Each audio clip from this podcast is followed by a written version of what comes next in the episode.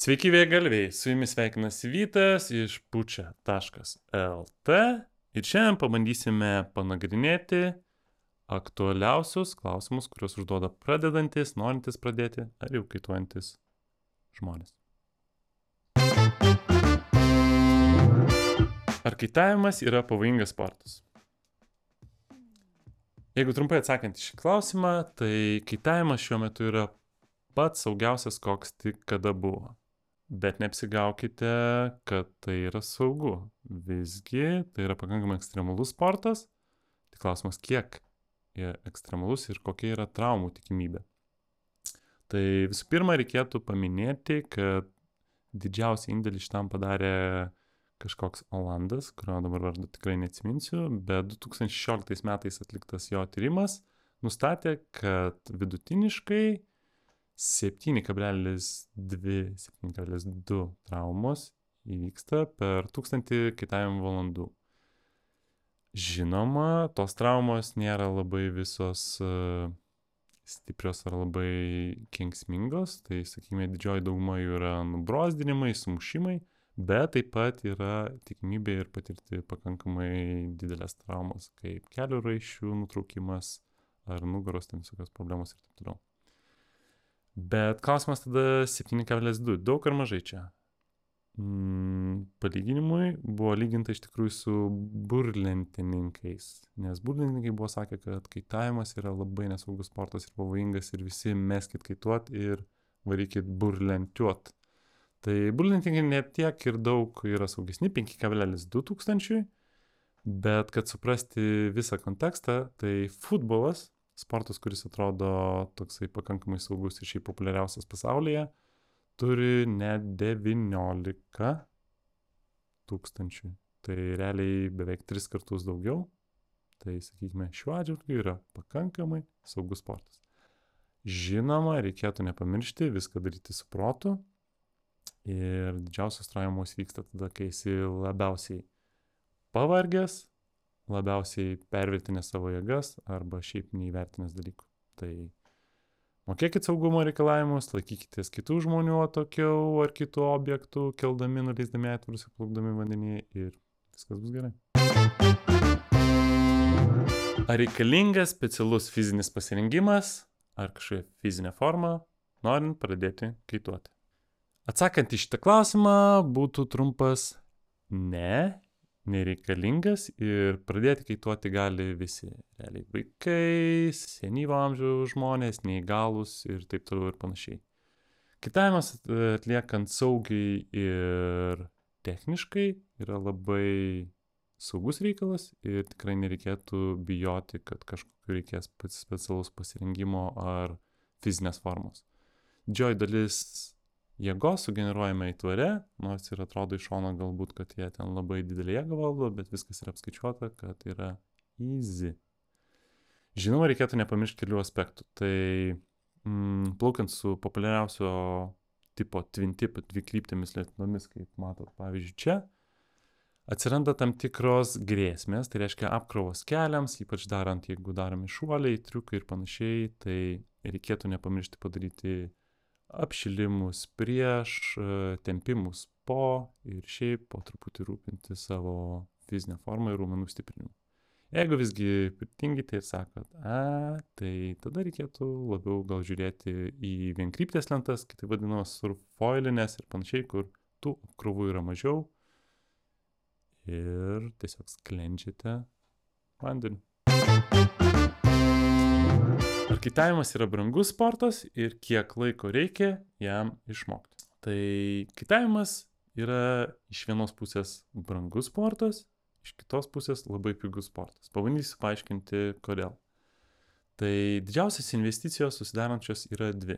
Tai yra mokymai ir patyranga. Tai pradėkime nuo mokymų tai žinoma gali jus išmokyti ir draugelis kuris sako jau jau jau čia seniau bus labai viskas easy ir mes čia greit padarysim bet reikia turėt omeny kad jis tiesiog neskirs tiek laiko neturės tiek saugumo žinių ir galvos kad tam tikri dalykai kuriuos jau moka galbūt nereikalingi tau dėl to reikėtų nepamiršti kad svarbiausias dalykas yra aiko sertifikuotos mokyklos, AICO instruktoriai sertifikuoti ir panašiai.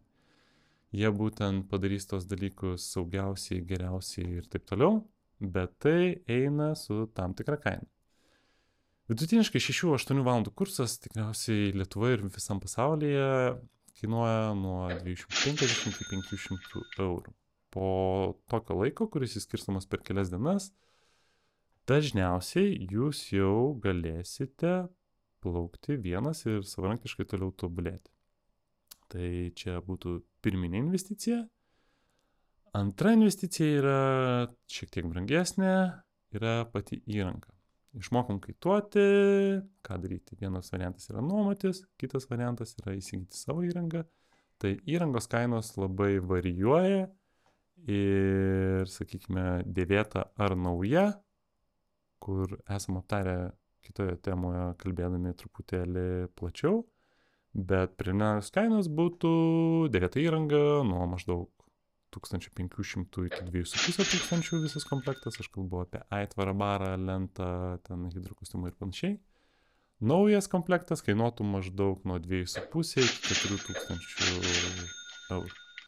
Aišku, jeigu norime daug aitvarų, ar ten kažkokia speciali įranga norime labai pramangiai, galima pasiekti kosmiškus skaičius, bet šių sumų pilnai užtenka. Po šių dviejų investicijų, tai yra įrangos ir mokymų, sportas patampa beveik nemokamas. Reikia pasirūpinti tiesiog, kur nuvažiuoti iki spoto ir kavai pakeliui. Tai tiek. Kur geriausia mokytis skaituoti? Šį klausimą reikėtų pažiūrėti iš dviejų pusių. Tai yra pati ta geografinė lokacija ir būtent tos mokyklos ar instruktoriai, kurie moko.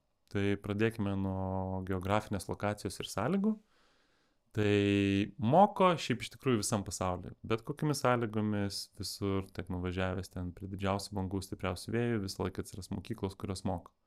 Viskas yra gerai su tuo, tik pagrindinis dalykas, kur atsiranda mažytė problemytė, tai gali greit atšokti noras skaituoti, arba tiesiog pats procesas užtruks gerokai ilgiau.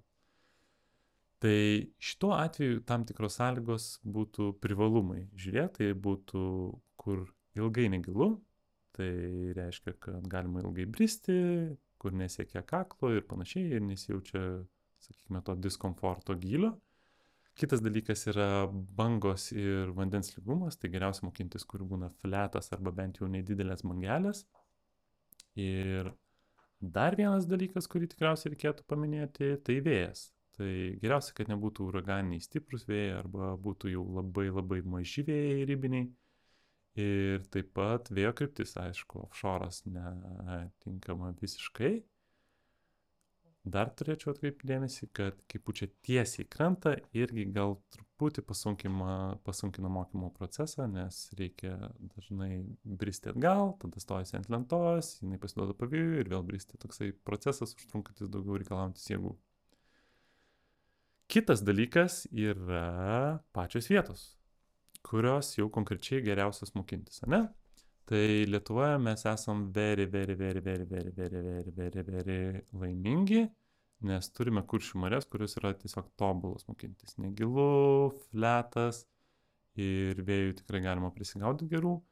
Kitas dalykas yra pasaulyje, tai sakykime, Egiptas irgi visai netoli gera vieta mokintis, panašios vietos, tai tos pačios sąlygos. Negilu, prisideda, aišku, šiltas oras, kaip nusiukas prisideda koralai, kuriuos galima susibražyti kartais nuo karto kojas. Vienos blogesnių vietų tai būtų ten, kur didelės lūštančios bangos, kur, sakykime, gilėja greitai jūros, vandenynai ir taip toliau. Baltijos jūra tokia yra sausau, reiškia, kad nėra labai baisi vieta mokintis, bet bangos tikrai prailgina procesą ir Nors ir kartais sako, kad nors išmoksi Baltijos jūrai, tada jau būsi tikras vyras, bet iš tikrųjų, jeigu turit galimybę šalia, tai paimkite pamokas pradžių tenai, paskui jau įrodysit, kad esate vyras. E, apie pasaulį, tai Tarifa, Vietnamas ir panašios vietos yra ne pačios geriausios mokintis, tai ten dar prisideda, kad yra daug žmonių labai aplinkui ir tie patys dalykai, kur sakiau. Greit gilė, lūšta didelės bangos ir panašiai. Tai tiek iš tos pusės, o kalbant apie kur konkrečiai jau, ne, sakykime, turim, įsigalvojom, kad mes mokinsimės prie kuršių marių, viskas excited, tai kaip pasirinkti tą mokyklą ar instruktorių, su kuriuo mokintis. Tai taisyklių labai didelių nėra, bet keli patarimai galbūt, tai vėl tas pats nuobodusis AIKO, tai kad instruktorius turėtų kažkokį AIKO sertifikatą, kad jis gali tai daryti, kad jis žino taisyklės ir jas perteiks jums.